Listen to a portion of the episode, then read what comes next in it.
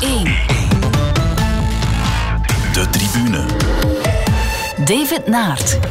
Goedenavond. We zijn met z'n allen nog aan het nagenieten van een topsportweekend met onder andere de overwinning van Mathieu van der Poel in de Strade Bianche en een voor België geslaagd EK Indoor Atletiek met vijf medailles. En zo weet u meteen waarover ik het het komende uur ga hebben met mijn twee gasten. En dat zijn vandaag Hans van de Wegen van de Morgen en Maarten van Gramberen, collega bij Sportza. Hans, Maarten, goedenavond. Goedenavond. Uh, Maarten, voor jou zijn het drukke tijden. Hè? Uh, sportweekend presenteren, er is de wielerverslaggeving en je bent ook al bezig met het derde seizoen van Wereldrecord. Ja, we zijn volop bezig met een derde seizoen van de Wereldrecord. Daar gaan wel nauwelijks atletiekrecords nog in zitten. We gaan het op een andere zijn manier allemaal aanpakken. de revue gepasseerd. De, de, meeste zijn de revue gepasseerd. Pas op, er zijn er nog een paar. Polshoekspringen bijvoorbeeld, dat is ook wel heel interessant. Hè? Dan mm -hmm. heb je zo'n figuur als Duplantis, die ook wel interessant is.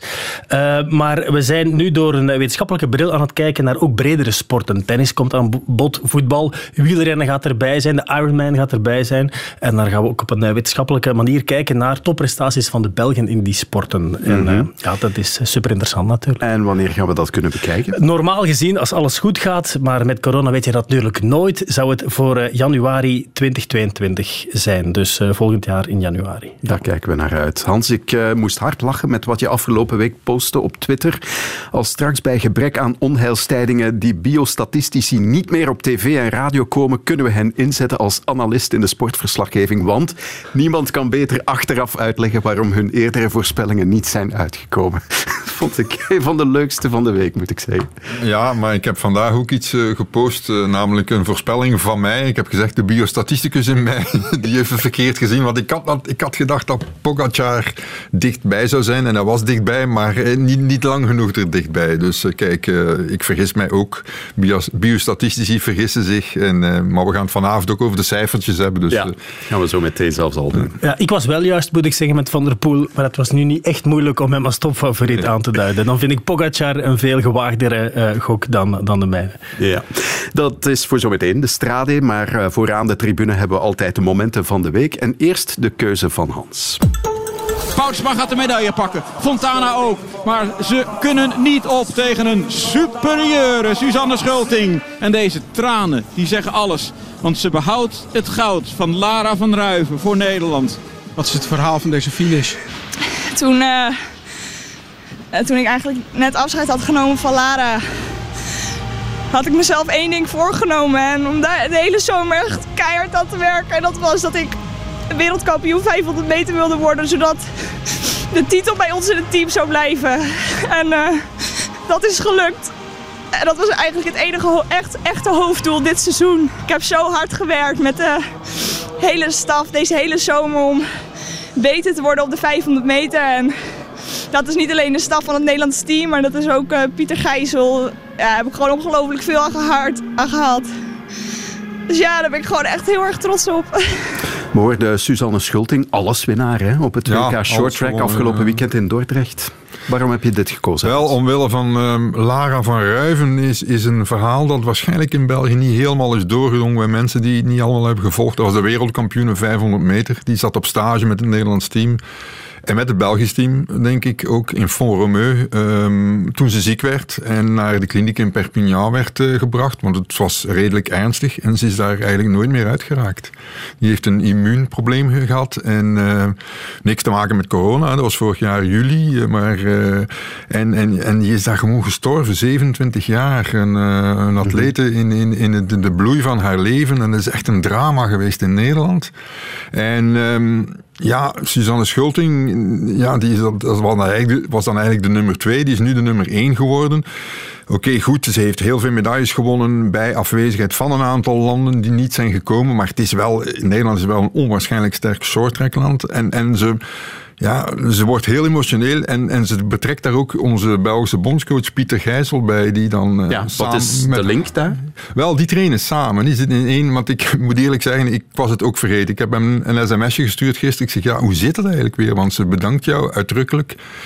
En hij was, ook, hij, was, hij was echt aangedaan, omwille van het feit dat ze hem er ook nog bij betrokken had. Blijkbaar, in, door in datzelfde team te zitten, zijn dat verschrikkelijk goede vrienden geworden. En hebben ze, elkaar, hebben ze heel veel steun gehad aan elkaar. En die Lara van Ruiven was ook nog eens schijnt een hele opgewekte vrouw. Uh, altijd, uh, goed, uh, altijd goed gezind, een harde trainer. en echt, wat, ze was de perfecte atleten. En dan ging die ineens dood midden in de zomer waar, zonder aanleiding. En ze hebben dat op een rare manier opgepakt in Nederland. Ze hebben zich echt, ze hebben daar kracht uitgeput. Ze hebben allemaal afscheid van haar genomen.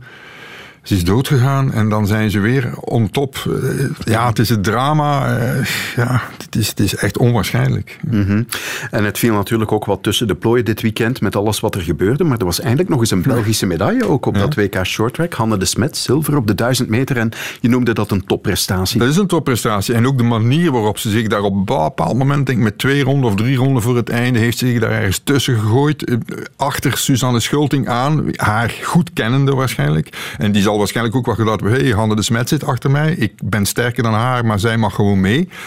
En die zijn samen naar goud en zilver uh, geschaatst. Uh, de rest is er helemaal niet meer overgekomen. Ja, vind ik wel knap hoor, die tweede Smets. Uh, want die broer heb ik dan ook nog gezien in een finale. Die was ook eigenlijk redelijk goed bezig. ja, ik denk dat Pieter Gijzel daar redelijk goed werk levert. Ja. En ze werken ook met de Nederlanders. Hè? Ze, ze zitten in één team met de ja. Nederlanders. Ja, ja, het is een, een, ja wat, hoe noemde hij dat nu weer? Een, een groot Nederlands team of zoiets. Maar goed, Jeroen Otter, die de bondscoach is van Nederland, is vroeger ook de Belgische bondscoach geweest. Hè. Dus wat dat betreft uh, staat hij open voor anderen. Oké, okay, perfect. Dank u, zou ik zeggen. Ja, inderdaad. Dat uh, kan in de toekomst nog mooi worden. Want ik las dat uh, Pieter Gijssel over haar zegt... ze kan echt nog vele passen vooruit zetten. En dat gaat ze ook doen. Ja, ja hopelijk. Ja. hopelijk. Ja. Oké, okay, dan gaan we eens naar het moment van Maarten van Gramberen. Uit, broer. Kom aan, broeder. Ja, maar dat is goed. Dat is perfect. Kom aan, broeder. Mee het speel. Ja, ja, ja. Kom aan, je kunt, je kunt het, je kunt het. Al is het podium, maakt niet uit. Gewoon, reen. Wie? Yes, yes, yes. Kom aan. Yes, yes, yes. Yes. Kom aan, broeder. Ja, ja. Ja.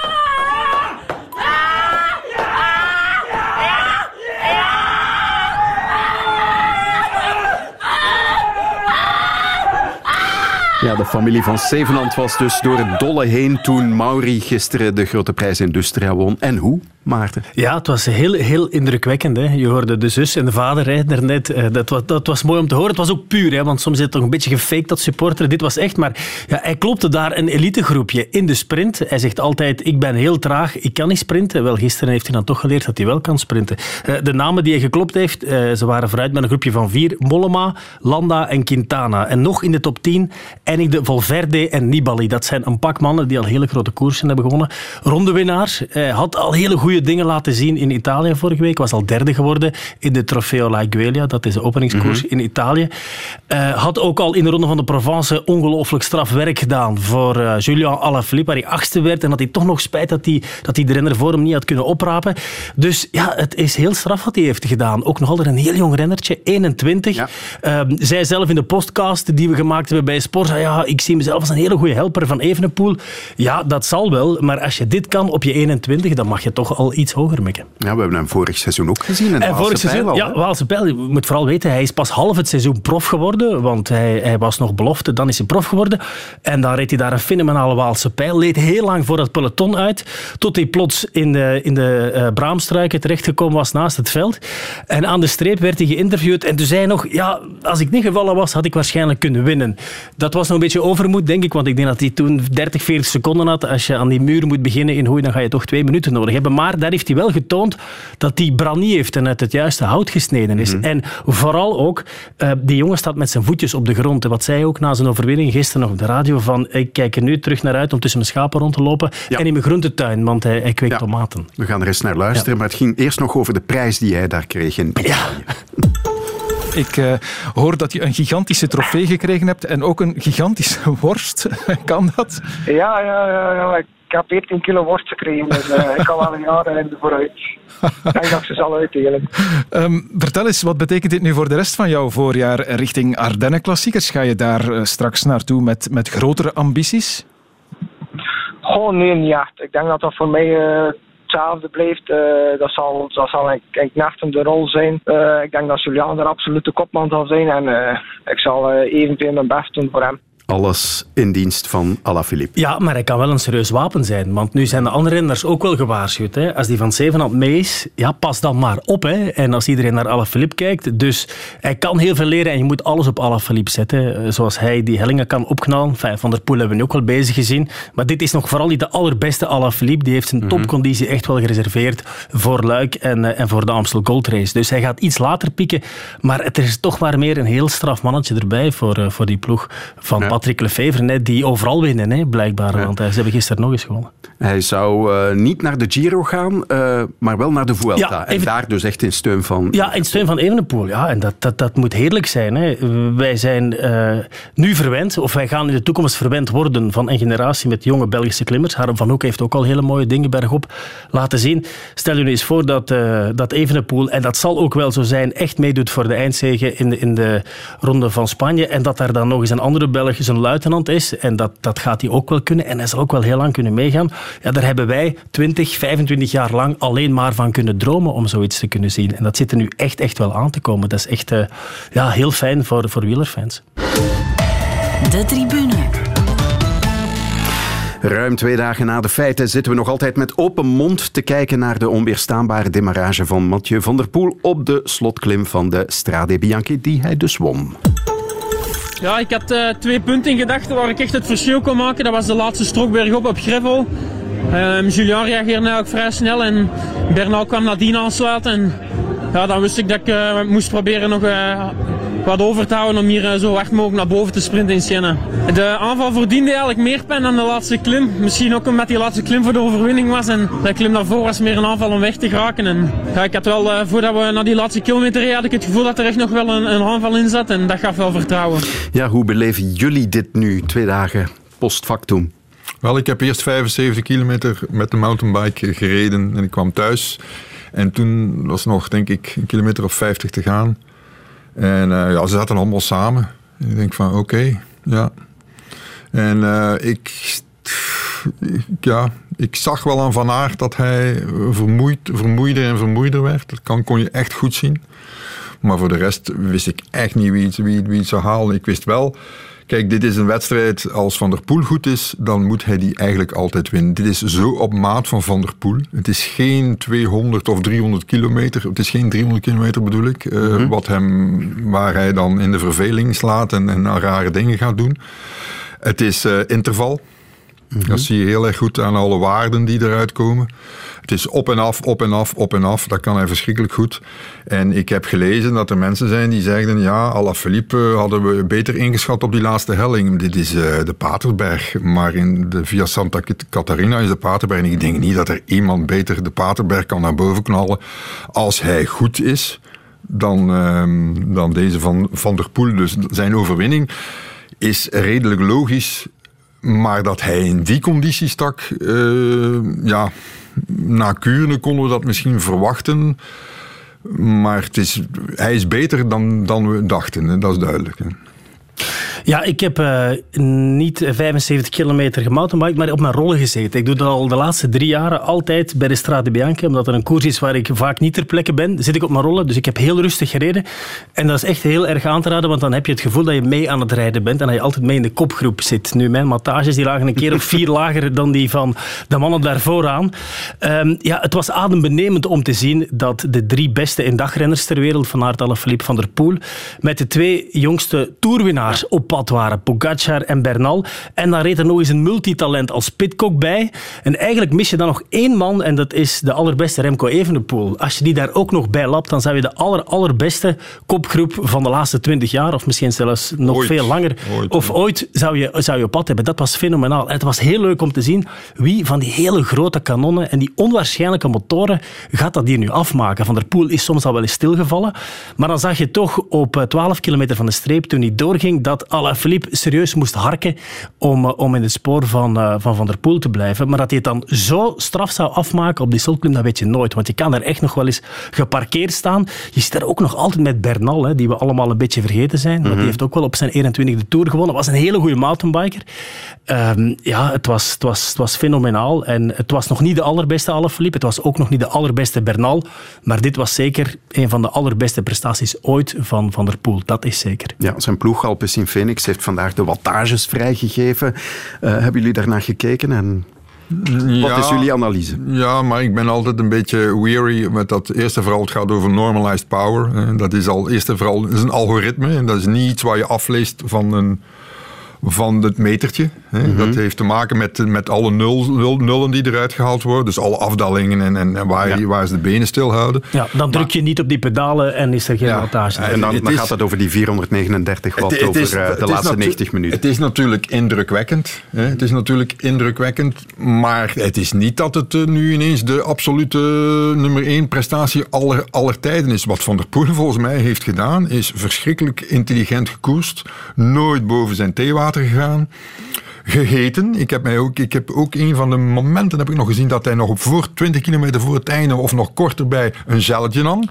Ook nieuw. Hè, want Heeft hij geleerd in Harrogate, hè? ja, waarschijnlijk op waar ze WK klaar in de stonden, regen. Waar ja. ze klaar stonden met plateaus, echt langs de kanten roodhoofds en hij er gewoon voorbij reed. Hè? Dat soort gedoe. Eh, Dat heeft hij allemaal geleerd. Hij is veel verstandiger geworden, heeft zichzelf ingehouden. Het is ook eh, een, een wedstrijd van 185, 86, 186 kilometer. Maar natuurlijk zijn wattages goed op aan het eind. Heeft hij daar een piek van, van, eh, ja, van eh, ze- 17 seconden, 1100 eh, watt. Dat, dat is uiteindelijk vrij, dat is een sprint hè, die hij dan rijdt. Maar hij rijdt die sprint bergop. Maar als er nu één iemand is die 20 seconden verschrikkelijk snel kan rijden, zelfs vanuit stilstand, is het Van der Poel. Hebben we gezien in de sprint in de Ronde In de van Ronde van Vlaanderen. Vlaanderen, En zien we telkens bij de start van elke veldrit ook. Hè? Die kan onwaarschijnlijk knallen ineens. Dus ik vond het niet zo verbazingwekkend dat hij uh, Alaphilippe uit die wielen reed. Natuurlijk, Alaphilippe stond bijna stil, maar dat had ook te maken met Alaphilippe, die waarschijnlijk aan het eind van zijn kracht was. En zoals jij al zei, nog niet op zijn absolute Nee, top is. hij is nog niet op zijn top. En wat die wattages nog betreft, want daar is inderdaad nu heel veel om te doen. Ehm, het laatste anderhalf uur, 440 watt. Het is dan wel normalized power, zoals Hans daarnet zei, maar dat is wel heel erg hoog. Als je als, je als amateurfietser een inspanningstest doet je kan een minuut of drie 360 watt trappen, want dat gaat in die stages. Ik raak dat niet. Voilà, je raakt er zelfs niet aan. Dat is al heel veel. En dan heb je het gevoel dat je tegen een muur aan het trappen bent. Dus dat is hoog. Maar het is in het laatste 90 minuten is er wel zo hard gereden daar in die Strade Bianche dat iedereen parkeggio stond en dat Van der Poel zelfs geen buitenaardse wattages heeft getrapt om daar nog weg te geraken. De rest kon het niet meer. Ze zaten allemaal piepen, piepen dood. En dat is een beetje wat daar gebeurd is. En Van der Poel wilde vooral nu heel erg top zijn, want hij was toch zwaar ontgoocheld vorig seizoen. Toen hij in die Strade Bianche helemaal werd weggereden, ook in uh, Milaan-Sanremo. Dat had met de hitte te maken, maar wat doet de hitte bij een atleet? Als je niet goed bent, dan gaan die verschillen nog veel groter worden als het heel warm is. En Van der Poel had tijdens de coronatijd misschien net iets te veel naar zijn temperament geluisterd door in elke training toch proberen een wedstrijdje in te lassen. En als hij ging trainen met Stibar, toch altijd toch een klein beetje koers in de koers. Had iets te weinig basis getraind, iets te weinig interval, met duurtrainingen zoals het dan heet. Uh, zo een beetje tussenin. En hij was gewoon fysiek niet top. Ook op stage zei altijd, ja, ja dat deed weinig pijn, dat deed weinig pijn. Misschien ja, het temperament dat iets te veel gespeeld heeft. Daar heeft hij uit geleerd en heeft nu een hele, hele goede stage achter de rug. Twee keer zelfs, januari, februari. En, en hij heeft daar ook uit geleerd, net als uit Harrogate. En daarom is hij nu ook in een, in een superconditie. Dat speelt zeker ook mee. Ik heb begrepen dat hij ook iets meer luistert naar uh, de, de, de, de trainer, inspanningsfysioloog Christophe de Kegel. Uh, wat hij vroeger ook wel deed, maar dat aanpaste naar zijn, naar zijn goesting. Maar dat ze toch hem hebben kunnen overtuigen ja. van kijk, uh, misschien een keer. En wie heeft hem over... Daardoor, hè, door het feit dat het niet ging. Hè, wie heeft hem jaar. overtuigd? Wout van Aert heeft hem overtuigd. Hè? Ja. Mm-hmm. Want ze werken allebei op dezelfde basis. Ze werken allebei, zowel Jumbo-Visma als Alpecin Phoenix werken met Insight, het programma van Sebastian Weber, de ex-coach van, van Tony Martin, dat gebaseerd is op een aparte manier van naar het lactaat kijken. Dat gebaseerd is trouwens op het Belgisch model van Jan Olbrecht. Want die, die, die, die um, Sebastian Weber heeft dat overgenomen eigenlijk van Olbrecht. Hij heeft daar enorm veel data in, in gestopt en is een zeer goed trainingsmodel. Zeer duur Zij krijgen dat gratis, die teams. Als je dat als privémens wil, moet kopen, is dat redelijk duur. Maar het werkt verschrikkelijk goed om atleten voor te bereiden, juist op dat soort werk. En uiteindelijk heeft hij zich daar voor een, een, groot deel, want Van der Poel zal het nooit helemaal overgeven, zal zich nooit helemaal overgeven aan een externe partij. Hij zal altijd zijn eigen gedachte ook voor een stuk, maar hij heeft toch voor een groot deel gevolgd. En ik denk dat hij daar nu wel de vruchten van, van eh, plukt. Of hij het een maand zal volhouden, dat gaan we nu zien. Ja, dat is de vraag natuurlijk. Hij kan niet het lang volhouden. Het, het, was heel opmerkelijk vorig seizoen dat Van Aert het wel bijna kon. Hè. Die stond er op 1 augustus met de Strade Bianche. En op 18 oktober verliest hij dan de sprint die hij misschien wel zelfs al nog had kunnen winnen in de Ronde van Vlaanderen. Ja, ik vond dat toen na een fenomenaal. voorbereiding van een jaar. hè? Ja, ja, absoluut, absoluut. Dat is juist. Maar, maar hij stond wel tweeënhalve maand aan de top. ja. Hè. Ja. Vroeger werd gezegd drie weken, ja, dat is het maximum van topconditie. Vier, misschien vijf. Je kan je daar vragen bij stellen. Hij zal hier en daar toch zijn temperament wat moeten minderen. Maar ik weet zeker dat Van der Poel echt top wilde zijn nu. Direct laten voelen, ik sta er, Strade Bianche, Milan Sanremo. Ook uiteraard is hij de allergrootste favoriet. En Van Aert, die is natuurlijk met een ander verhaal bezig. Want die mikt iets later. Die heeft al Strade Bianche gewonnen. En die heeft al Milan Sanremo gewonnen. Die wil vooral heel graag Ronde van Vlaanderen en Parijs-Roubaix winnen. Daar gaan we, het- gaan we het dadelijk nog even over hebben. Ik wil een fragmentje laten horen uit de podcast In het Wiel van Thijs Sonneveld, die ook regelmatig te gast is bij ons in de tribune. En het ging ook over de sterren voor Milan Sanremo. De eerste wedstrijd, Mila- Milaan Sanremo straks. Van der Poel kan daar natuurlijk... De fout die Van der Poel kan maken is dat hij gewoon moet kiezen tussen manieren hoe hij kan winnen. Dat is één grote favoriet straks. Ja, nee, daar, daar gaat niemand anders meer met vijf sterren van start. Nee, ja, Van Poel heeft vijf sterren en dan de rest, eh, ja, dat begint bij twee of zo. Zijn enige kwetsbaarheid is, hij heeft te veel manieren waarop hij kan winnen. Ja, dat is zo. Hij kan op de Poggio gaan. Eh, Hij kan eh, van beneden aan de Poggio gaan, halfweg de Poggio, bovenaan de Poggio. In de afdaling kan hij gaan, want hij is technisch superieur. Hij kan het ook afmaken in een sprint.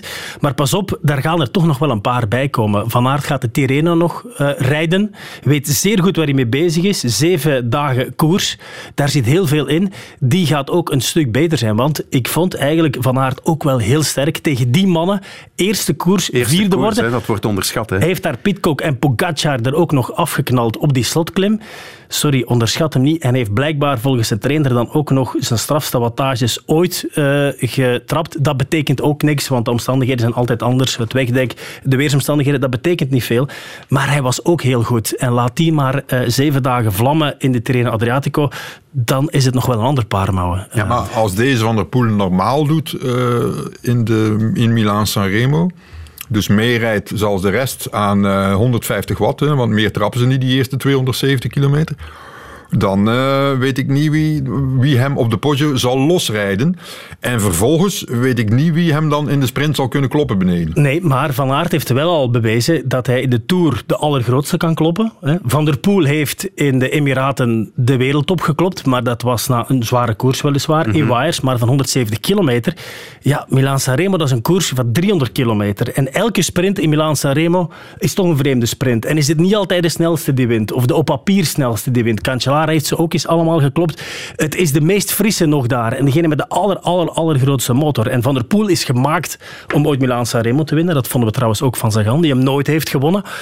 Maar Van Aert heeft het wel al gedaan. En de allerbeste Van Aert, die ga je er ook niet afknallen op de Poggio. En ga maar met de allerbeste Van Aert naar de sprint. Oké, een sprint die hij niet meer van op 200 meter zal beginnen.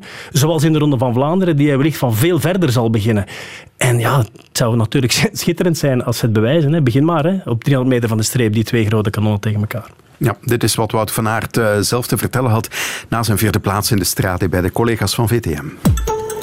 Moet tevreden zijn. Ik was, eh, ik was op de afspraak, maar gewoon in de finale net niet goed genoeg. Ik denk, eh, die versnelling zat er nog niet in. Ik was misschien een van de eerste die moeilijk kreeg in de kopgroep, maar uiteindelijk word ik nog gewoon vierde. Dus ik denk dat eh, de inhoud er is, maar dat ik nog een beetje scherpte mis. Die lange strook kon ik echt goed met de forcing voeren en voelde ik me heel goed. Met het verschil gemaakt met een paar jongens. En ja, dan vanaf de finale, wat echt de steile beklimmingen waren, ja, kwam ik eh, nog een beetje tekort. Maar ja, ik ben dan op dit moment misschien de zevende beste en eh, ik ben er nog drie terug voorbij. Dus ik wil wel zeggen dat ik, eh, dat ik het in de benen heb, maar eh, die overdrive die moet er nog bij komen. De overdrive moet er nog bij komen. En het is eigenlijk precies ook wat zijn trainer Mark Lamberts vooraf had voorspeld. Want ik vond dat een interessant artikel in het Sportvoetbalmagazine. Van, Van Jonas Creteur, week. heel interessant. Ja, inderdaad. Waarin de winter van, eh, van Aert uit de doeken werd gedaan. En waarin aan het eind die Lamberts eigenlijk tot op het punt voorspeld hoe het er in de strade ging En ik heb ook eens eh, lang met hem gebeld, een paar weken geleden. En het probleem met Van Aert is ook een beetje geweest in januari. Hij is vader geworden en heeft daar iets te weinig stage kunnen doen. En draai het of keer het. eh, bij Van Aert werkt dat heel goed. Eh, als hij terugkomt van een stage, is hij altijd top. Is toen maar zes dagen op stage kunnen gaan in Spanje door de geboorte van zijn zoontje. Ook veel muizen is er rond zijn contract. Van der Poel had geen Nederlands kampioenschap in het veldrijden, want dat was geen topsport in Nederland. En is daar al veel langer op stage kunnen gaan. En zijn basis, een draai het of keer het, basis is heel belangrijk, was veel groter. Is daarna nog eens op stage kunnen gaan. En Lamberts wilde absoluut dat Van Aert zeker ook nog een hele lange stage achter de rug kon hebben. Wat hij net gedaan heeft in Tenerife in de tijden. En die weet zeer, zeer goed waar hij mee bezig is. En nog eens, Ronde van Vlaanderen en Parijs-Roubaix, dan gaat daar al een compleet andere Van Aert staan. Misschien zelfs al, eh, al, al in eh, Milaan-San Remo. Want dat En- zijn de doelen ook. Hè? dat zijn de doelen. Die heeft hij nog niet gewonnen. En ook, ook Van der Poel uiteraard. Hè, want die droomt meer dan van welke koers van Parijs-Roubaix. Dat is absoluut zijn droomkoers. Heeft de ronde natuurlijk al gewonnen. Ehm, en dan gaat het punt zijn bij, bij Van der Poel. Gaat hij nog top zijn na vijf weken? Misschien wel. Maar Van Aert die zal dan zeker zijn, zijn, zijn piek beleven. Dat weet je nu al als je de voorbereiding kijkt van, eh, van Mark Lamberts. En toch denk ik dat het een moeilijk, een moeilijk seizoen wordt voor Wout van Aert. Dat kan. Toch, ja? Ja, ja. kijk, eh, kind, vader worden enzovoort en, en, en, en dan daar ook eh, in opgaan.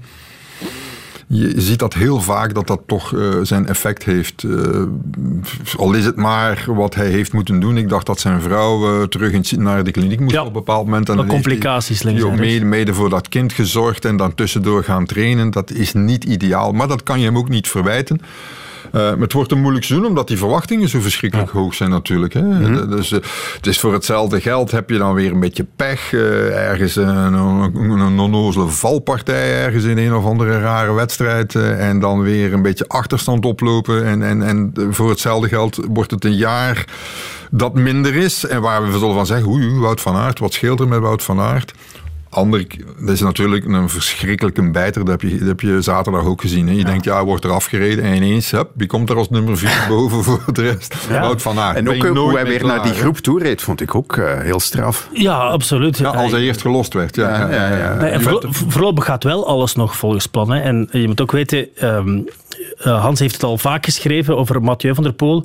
Is ehm, ja, de meest complete renner ooit misschien. Hè, omdat hij zowel op de mountainbike excelleert als eh, op de weg, als eh, bergop, als eh, luik, als de kasseiklassiekers. En zo kan ik nog wel een tijdje doorgaan. Veld uiteraard, we zouden het haast vergeten. Maar dat zeiden we vorig jaar van iemand als Wout van Aert ooit ook. Ehm, eh, van der Poel zal nooit zo'n goede tijdrijder zijn dan Wout van Aert. Hè. Van- dat is te maken met zijn, CD, met zijn, eh, met zijn weerstand. Absoluut. Hè, maar, maar, maar om maar te zeggen dat, dat Van Aert ook onwaarschijnlijk compleet is. Hè. Die kan ook bergop rijden, hebben we in de Tour gezien. Die zou Luik in een goede dag ook aankunnen. Gaat nu het kopmanschap opeisen in Terreno. Eens kijken hoe ver die geraakt. Die kan klassiek- kasseiklassiekers winnen, die kan massasprints winnen.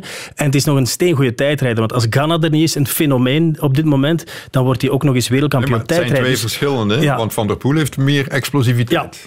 op, op de kortere afstand. De, de langere sprint, en dat is dan weer En hij recupereert onmiddellijk. Maar om maar te zeggen dat ze wel dicht bij elkaar liggen. Hè, dat ze allen twee ongelooflijk complete atleten zijn. Dat is ook zo. En hoe groot is dan het probleem voor de concurrentie? Want ga dan met die twee maar eens naar de streep.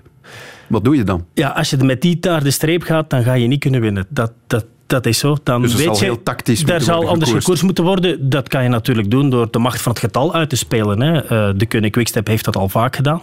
Eh, ze hebben dat in de omloop ook gedaan. Maar goed, daar waren de twee grote kanonnen niet bij, natuurlijk. Hè. Ehm, zo gaan ze het moeten spelen. Anticiperen heb ik al een paar renners horen zeggen. Dat horen we wel vaker. Maar het zal bijna niet anders kunnen. Want als die mannen hun duivels ontbinden, dan, ehm, ja, dan, dan ben je niet mee. Dan ben je niet mee. Het is toch makkelijker gezegd dan gedaan. Hè? Want Lefevre zegt, ja, we, we moeten die isoleren, die twee, hè? om het zo dan te gaan spelen. Maar wat mij opviel zaterdag, dat, was dat de twee ploegen het ook prima deden. Zowel Alpecin als, eh, als Jumbo-Visma. Ja, absoluut. Ze ben ik waren echt goed omringd. Ja, ze waren goed omringd. In Kuurne was er wel wat paniek en was Van der Poel ook eigenlijk een beetje lastig. Want in de twee achtervolgende groepen, uiteindelijk is alles samengekomen, zat er niemand van zijn ploeg. Als daar een paar stoorzenders zitten, ja, dan kan hij daar misschien al winnen. En zegt iedereen wat een strafnummer is dat nu weer na een aanval van 86 kilometer. Maar in de Strade, op 14 en op 15, staan twee renners van zijn ploeg. Vakoc, die nog voor de Koning Quickstep heeft gereden, maar zwaar is gevallen. En eh, ook Gianni Vermeers. En Vermeers was heel sterk en dat heeft Van der Poel ook een enorme boost gegeven. Het is natuurlijk ook zo, als je voor zo'n kopman kan rijden, ja, dan ga je door een muur. Hè. Dat, dat is ook zo. En dan schat ik de ploeg van eh, Van der Poel voor de klassiekers toch nog wel een pak sterker in dan, dan Van Aert. Dat blijft een probleem voor Van Aert, dat hij, dat ik hij ook, eigenlijk ja. nauwelijks een Ja, ploeg heeft. Hè. ik ook, ja. Teunissen is er weggevallen, dat was eigenlijk zijn luitenant. Dus Van der Poel zit daar beter. Ook, ook Rickaard, hoe hij, dat zag je dan op de motor in Kunnen kunnen, hoe hij met Van der Poel door het peloton rijdt. Twee man bij hem, Vergaarden ook nog bij hem. Ja, die, die, Nu ook weer een zaterdag ook. Hebben, hebben, die, hebben die twee de eerste goed. stroken allemaal Ja. voor, voor een rekening genomen. Hè. Dat zijn natuurlijk gasten. Ja, Ricard en Vergaarden komen van de wielerbaan. Hè. Ik heb die eh, gekend eh, op de, op de topsportschool. Eh, ja, die, die, die kunnen sturen. Hè. Dat, zijn, eh, dat zijn hele goede wielrenners. En die, ja, die, die Gianni Ver- Ver- Vermeers, die, ja, die komt dan ook uit het veld. En die staat eigenlijk ook, blijkt dan ook een enorme motor te hebben.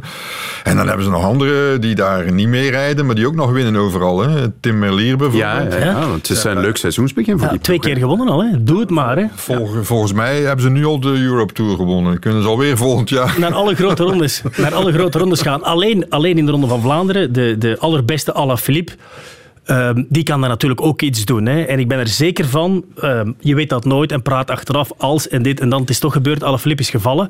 Maar ik had hem eh, kort voor de Ronde van Vlaanderen in de Brabantse Pijl, de Moskestraat, zien opknallen. Een helling die straks ook op het wereldkampioenschap erbij is. En die had daar toen twee, drie lengtes op Van der Poel. En Alaphilippe die kwam daar boven relatief goed. En Van der Poel die moeite, was daar echt moeite, ja. alle moeite van de wereld eh, aan het bovenhalen om, om mee te zijn. Wat hem uiteindelijk lukte. Maar eh, als er iemand iets nog had kunnen doen in die finale, dan was het zeker Alaphilippe geweest op de Paterberg. Want op de Koppenberg was al in- indrukwekkend. Dus de allerbeste Alaphilippe heeft zeker ook wel een kans. Hij weet ook wel dat hij het solo moet doen. Want als je met die twee mannen naar de streep gaat... Maar hij hmm. wordt ook vader hè? en heeft, Ja, heeft ja, een nieuw lief. ja, ja. dus, Maar, eh, maar hij is wel al goed. Hij is beter in het begin van het seizoen dan, dan vorig seizoen. Zeg, en eh, Greg van Avermaat, geen goed openingsweekend gehad. Strade ook een tegenvaller, de benen liepen vol. Ja. Wacht, zal een zijn, moeilijk zal, seizoen? Zal zijn momenten moeten kiezen, denk ik. hè. Hoe ouder je wordt, hoe minder je kan rekenen 35 op, op, lange, op lange periodes. En, en eh, ja, van team veranderd. Maar ik denk, ik zie hem nog wel... eh, het, is ook, het is ook een beetje een Van Aert. Hè. Ik bedoel, je bent er ook nooit mee klaar met, eh, met Greg van Aert. Nee, en hij zegt nog altijd dat, dat hij aan het wattages, nu hebben we het weer over wattages, maar die hij trapt tijdens testen, dat hij nauwelijks heeft ingeboet. Hij, was, hij had wel echt een minder moment, had er ook geen verklaring voor. Hè. Plots, plots blokkeerde het, zijn benen liepen vol, zoals het dan heet. Ja, maar... Maar als je ouder wordt, en dat merk je als amateursporter ook wel een beetje, dat weet Hans ook, je hebt eigenlijk alleen nog maar slechte dagen en heel af en toe heb je zo'n goeie dat je denkt, allee, ik ben nog een klein beetje sportman. Eh, dat is natuurlijk niet het geval bij, bij eh, Van Avermaat. Dat is nog altijd een absolute topper. Maar hij weet ook dat hij tegen die mannen in topvorm, dat hij het heel slim zal moeten aanpakken. Wat ook kan, hè, want ze zijn met z'n tweeën natuurlijk, want Oliver Naassen rijdt daar ook nog tussen. Dus dat kan wel een voordeel zijn voor hem. Maar een jaar of vijf geleden, toen hij daar viel en zijn stuttelbeen brak, toen was hij misschien de allerbeste man die van start ging in de Ronde van Vlaanderen. Ja, dat gaat hij nooit meer zijn. De tribune. Radio 1. En mijn gasten vandaag zijn Hans van de Wegen van de Morgen en Maarten van Gramberen van Sportza. De Belgische atletiekploeg keerde vandaag terug uit Polen na een succesvol EK Indoor. Vijf medailles, dat is het beste resultaat in de Belgische sportgeschiedenis. Wat vonden jullie van het EK? Maarten? Ik vond het eh, heel tof en heel goed. En ik ben heel blij dat de Belgen heel veel medailles hebben behaald. Ik was met collega eh, Mark Willems voor het eh, EK ook eens bezig van hoeveel medailles zouden we kunnen halen. En vijf kon wel, maar we hadden er wel andere atleten opgeplakt. Dus het is... Wie had je erop geplakt? Wel, de tornado's had ik ook nog wel een, een medaille gegeven, die uiteindelijk vierde zijn geworden. Hij, zo iemand als Carbois, die Thomas, de hoogspringer, ja, dat had dan evengoed niks kunnen zijn. Bijvoorbeeld Kimeli, dat zat erin. Elise van der Elst ook, want dat is voor velen een verrassing, maar dat had wel gekund. Eh, Norvits was ook niet onmogelijk dat ze ging meedoen voor de medailles. En natuurlijk Nafitiam. Dus dat is dan ook allemaal gebeurd. Alleen, ja, eh, de tornado's had ik misschien wel nog eh, een medaille zien, zien behalen. Hans? Ja, het is, ehm, het is een, een toernooi van twee kanten. Hè. Kan je het bekijken? Je kan enerzijds zeggen, ja, het is EK Indoor en er zijn een aantal atleten niet, het is corona. Maar het is ook voor het eerst dat we in die situatie komen en dat we toch medailles pakken. Hè? Dus, uh, dus dat was ook het eerste internationale atletiekkampioenschap. Ja. Ja, dus, dus, de honger was er wel, denk ik, bij heel absoluut. wat atleten. Dus wat dat betreft vind ik dat we eigenlijk uh, het waarschijnlijk wel goed hebben ook gedaan met onze topatleten, die toch uh, alle sporthallen waren dicht, maar de topsporthal was niet dicht, bij wijze van spreken. Hè? Dus, dus die konden wel blijven trainen. En ik denk wel dat het daar, er zit daar een generatie aan te komen die met name nu weet van oké, op een internationaal toernooi zijn wij niet kansloos om een medaille te winnen. En dat, geeft, dat, is, dat zijn voorbeelden voor anderen die dan zeggen oké, ja goed, wij zijn niet kansloos. Wij, wij mhm. Belgen hebben ook twee armen en twee benen, we hebben goede trainers, we hebben een goed systeem uh, tegenwoordig, dus uh, oké, laten we er maar voor gaan. Terwijl we jarenlang eigenlijk hebben gedacht van oei, oei, als we naar Ginter gaan, oh ja, oh, dat zal weer wat worden. Maar, van waar komt die switch dan? Van waar komt dit nu? Maar dat is ook geen wat er gebeurd is, wat Hans zei. Op vrijdag hebben Tiam en ook Norvits plots uh, een medaille gehaald. Tiam, dat is niet plots. Norvits had gekund, maar het was toch voor velen een verrassing. En ik las dat Elise van der Elst en ook uh, Karma, die zeiden van ja, als die dat kunnen, dan kunnen wij dat ook. Ze hadden blijkbaar een heel groot scherm gezet in het hotel van de Belgen. Iedereen zat daar te supporteren. Ja, dat is misschien, misschien voor een stuk uh, terug te brengen tot wat Nederlandse brani. Hè. Rutger Smit, dat is de man die het nu doet in Vlaanderen. Dat is niet de enige verklaring. Maar het is die ook brengt... een Franstalige kant. Hè? Er is ook een Franstalige kant. Dat er, en dat zijn nou wel eilandjes. Het is niet dat je kan zeggen dat het plots door een fantastisch uh, systeem is en door een fantastische structuur. Hans kent alles denk, van structuren. Dat we, nu, dat we nu plots zo'n zo goede prestatie halen.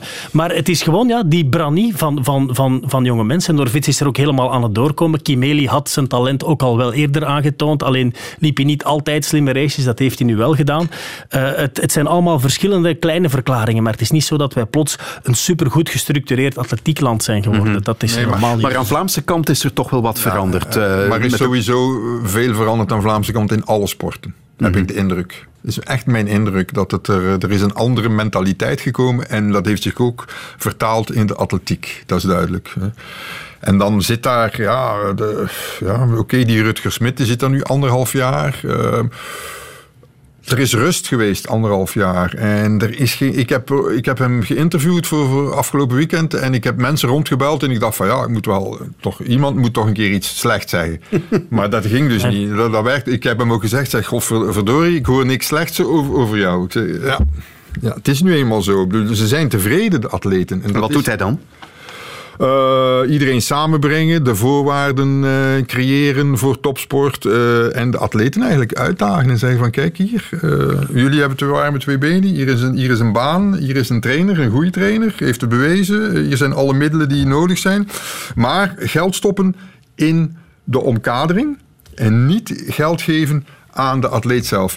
Ik, ga, ik heb altijd het voorbeeld, het komt uit een ander sport, maar ik ga het nog een keer noemen. Caroline Brouwer en, en Godfroy hè, gingen, samen, gingen samen naar de Spelen in Peking en ik interviewde die samen. Ik vroeg aan Caroline, die Nederlandse was geweest en die dan Belgische was geworden, wat is nu het verschil? Wel, zegt ze, in Nederland, zegt ze, waren alle voorwaarden goed om te trainen. En daar ging het geld naartoe. In België zegt ze, krijg je een zak geld en moet je het zelf uitzoeken. Ik denk dat dit veranderd is in Vlaanderen vooral. Maar dat ook de Franstaligen nu uh, hebben gezien dat het anders kan. Natuurlijk, dan heb je dat verhaal dan van de Borlees die dan ineens Vlamingen worden. En, en al, ik, ik heb geschreven, denk ik, al, alle vier samen spreken ze drie woorden Nederlands. Maarten kan dat bevestigen. Heeft ja, ja, ja, ja, dat is ook zo. Jacques die probeert dan twee zinnen Nederlands te praten en dan schakelt hij in de derde zin toch ook over naar, uh, naar ja. Frans. Maar uh, wat ik merk is dat de muren tussen de coaches ook gesloopt worden. Het schijnt dat dat... Uh, de en dat was toch vroeger wel een, een dat probleem. is de bedoeling, hè? Je moest van mijn Smit. Hè? Dat is de politiek van Rutger Smit. Die heeft gezegd, ja. ja. die coaches moeten samen praten. Maar ja, waarom kon het vroeger niet? Waarom kan het nu wel? Mm.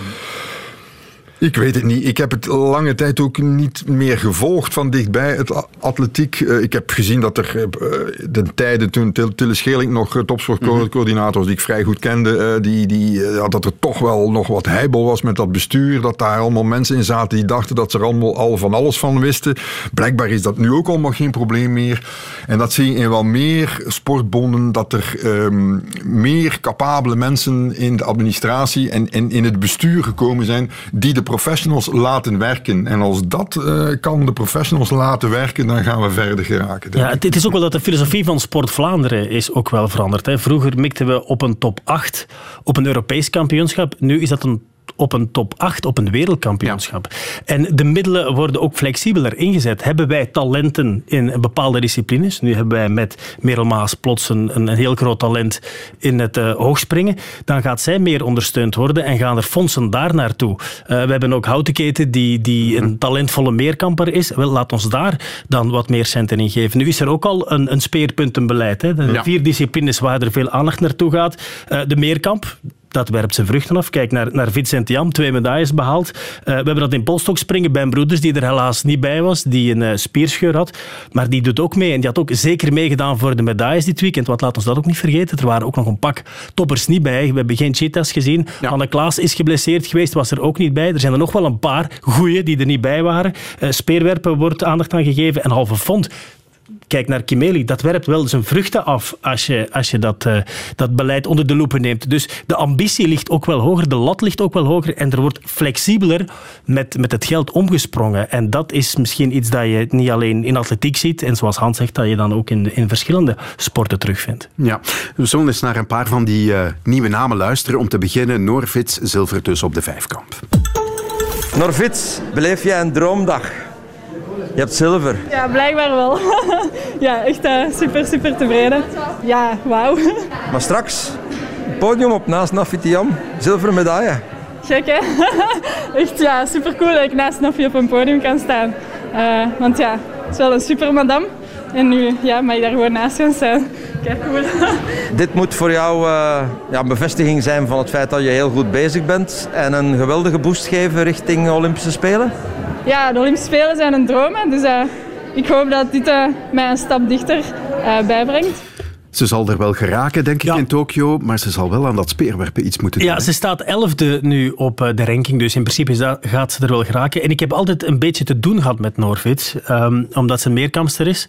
Samen met Hanne Moudens. En zij stonden altijd heel erg in de schaduw. Dat is ook logisch. Van Nafitiam, die, die de allergrootste is in haar sport. En ze kregen altijd heel weinig aandacht. Uh, alle aandacht ging altijd naar Tiam. Omdat zij dan ook uh, bijna altijd een gouden medaille heeft behaald. Buiten één keer zilver dan uh, in Doha op de, de laatste wereldkampioenschappen. Maar in de schaduw van hebben die toch wel flinke stappen gezet. Zeker Norvits. Hanne Moudens is het een beetje beu geraakt. Mm -hmm. heeft, heeft andere orde opgezocht. Ook met succes op die 400 meter. Maar Norvits, die ook flink geblesseerd geweest is, is toch goed blijven werken. Hè? Uh, zij, zij combineert dat ook met studies. Ze is een studente bio-ingenieur. En zij heeft altijd flinke stapjes blijven zetten. Wat heeft ze nu ook gedaan op dat Europees kampioenschap? Vijf disciplines, drie persoonlijke records. Mm -hmm. Dat is enorm. En om op dat speerwerpen terug te komen, Scheerling, die naam is net al gevallen, daar werkt ze nu mee ja. samen. Maar haar trainer heeft ook al wel gezegd, uh, Fernando uh, Oliva, heeft wel al gezegd van kijk, we gaan niet zozeer extreem veel ons bezighouden met dat, uh, dat speerwerpen, dat moet beter, maar we gaan vooral haar goede kwaliteiten nog proberen te verbeteren. Het is een zeer goede uh, verspringster, ze kan, ze kan goed springen, springt ook behoorlijk goed hoog, niet zo goed als Tiam, maar dat is, dat is buiten categorie. Ze loopt ook redelijk. En ze loopt ook goed. Haar 800 meter, 2.12 heeft ze nu gelopen. Als ze daar nog een paar seconden kan afpitsen, outdoor betekent uh, 2.12 dan 2.10. Daar vallen ook veel meer punten mee te verzamelen dan met dat speerwerpen. Hè. Dus de bedoeling is dat ze vooral op haar, op kwaliteiten gaan inzetten. En Tokio zal nog te vroeg komen om de allerbeste Norvits te zien, maar Parijs 2024, dan moet ze er helemaal staan. En medailles, dat is wel heel uh, ambitieus, maar het is niet onmogelijk als zij die progressie blijft maken. Maar goed, op, op drie jaar tijd, dat is, een, dat is een eeuwigheid in de topsport natuurlijk. Mm -hmm. Het goud van Elise van der Elst op die 1500 meter, dat was voor velen een verrassing. Maar ja, ze had wel de snelste Europese tijd achter haar naam staan. En ze was al een, uh, een keer tweede op het Europees kampioenschap voor belofte. We gaan eens even luisteren. Oui, pour le moment, je réalise toujours pas. Je m'attendais pas du tout à gagner. J'avais allez, une petite envie de médaille, mais sans plus. Et waouh, première, c'était complètement inattendu. Et ça à 23 ans Oui, c'est ça, à 23 ans. Donc euh, j'espère que ça va continuer à aller, que je vais continuer à progresser. En tout cas, je vais tout mettre de mon côté pour. Ça dit quoi pour les Jeux Olympiques? Alors normalement ici avec cette performance j'ai dû marquer pas mal de points au niveau du ranking mondial. Pour le moment j'ai toujours pas fait les minima pour y participer. Donc j'espère que ça passera par le ranking mondial mais normalement ça devrait aller. Si je me blesse pas, bien sûr. Via de ranking moet ze Tokio halen, zegt ze. Uh, op dit EK, ja, de 1500 meter is altijd tricky. Hè? Aardsmoeilijke wedstrijd. Ja, alleen, maar bocht, alleen maar bochten hè, op zo'n pistje van 200 meter. Ja, en dat was toen wel een verrassing. Maar dan heeft ze gedacht, hola, maar dat gaat me niet overkomen in die finale. Heeft ze heel agressief gelopen. En met resultaten, ik heb haar, ik heb haar geïnterviewd op het Europees kampioenschap, haar eerste grote kampioenschap in uh, Berlijn 2018. Toen miste ze nip de finale. Maar je zag toen wel dat daar heel veel in zat in, in Elise van der Elst. Ik dacht toen ook in het begin, het zal een Vlaamse zijn met zo'n naam, Elise van der Elst. Nou wel, ik dacht dat het, het, is, het is een Waalse, het is een Waalse, maar ik wist van toen dat het een Waalse was. En ze miste toen op, op een paar honderdste na die finale. En die, die, die zat zo vol woede en, en je zag wel dat de grinta, om dat woord dan maar eens boven te halen, dat ze dat wel heel erg had. En dat is er nu uitgekomen. Alleen om een finale te lopen in Tokio.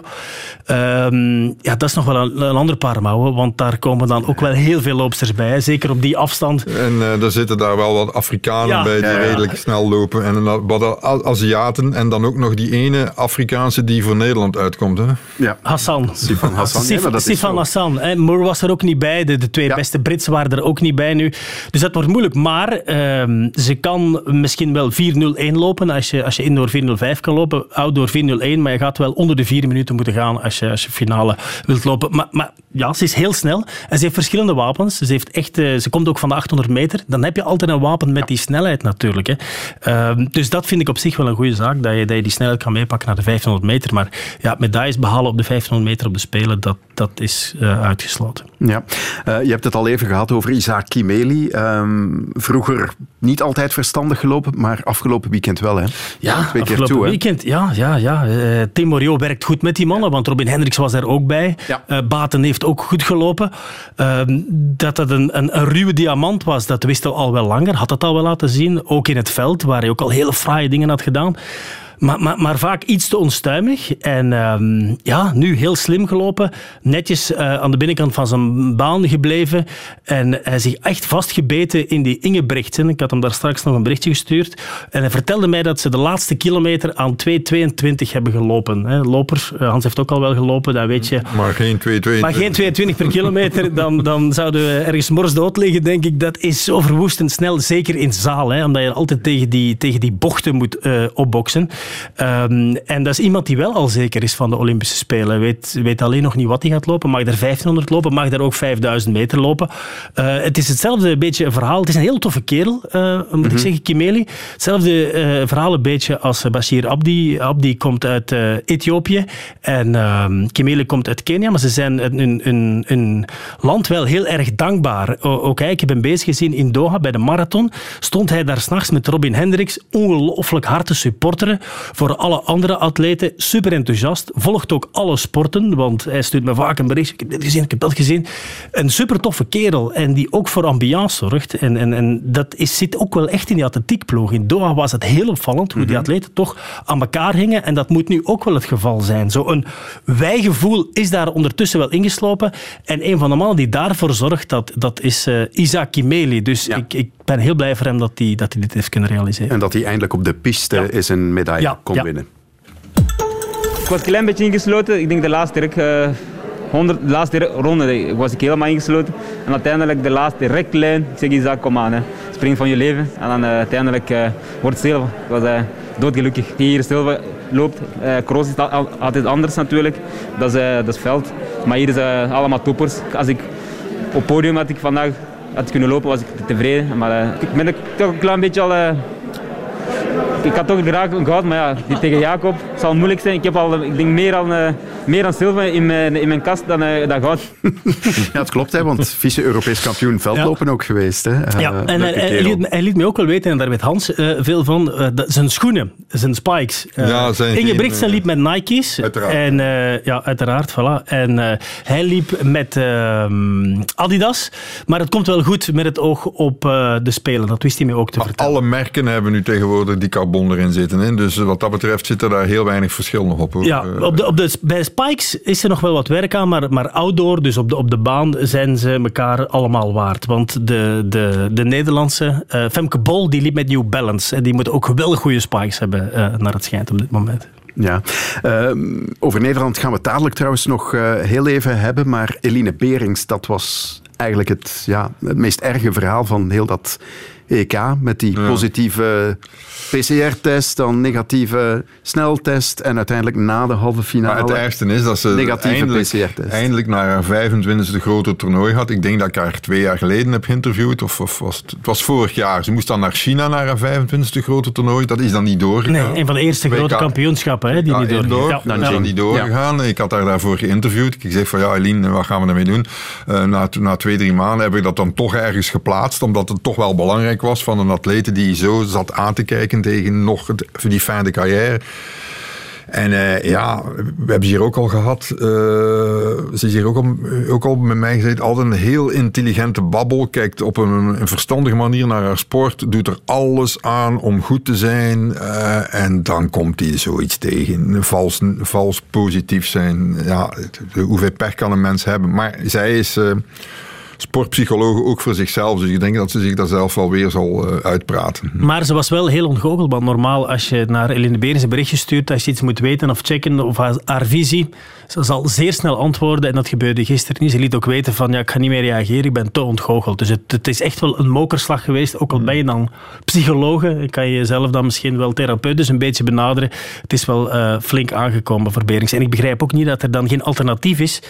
Doe dan twee sneltesten en als die allebei negatief zijn, laat een atleet dan lopen. Want ik vind deze manier, als je dan toch een PCR-test moet doen, goed, maar zorg dat ze dan voor de competitie eh, behandeld is geweest, dat ze naar het labo is geweest en dat we het resultaat, het resultaat kennen. De manier waarop vind ik echt niet kunnen eigenlijk. Ja.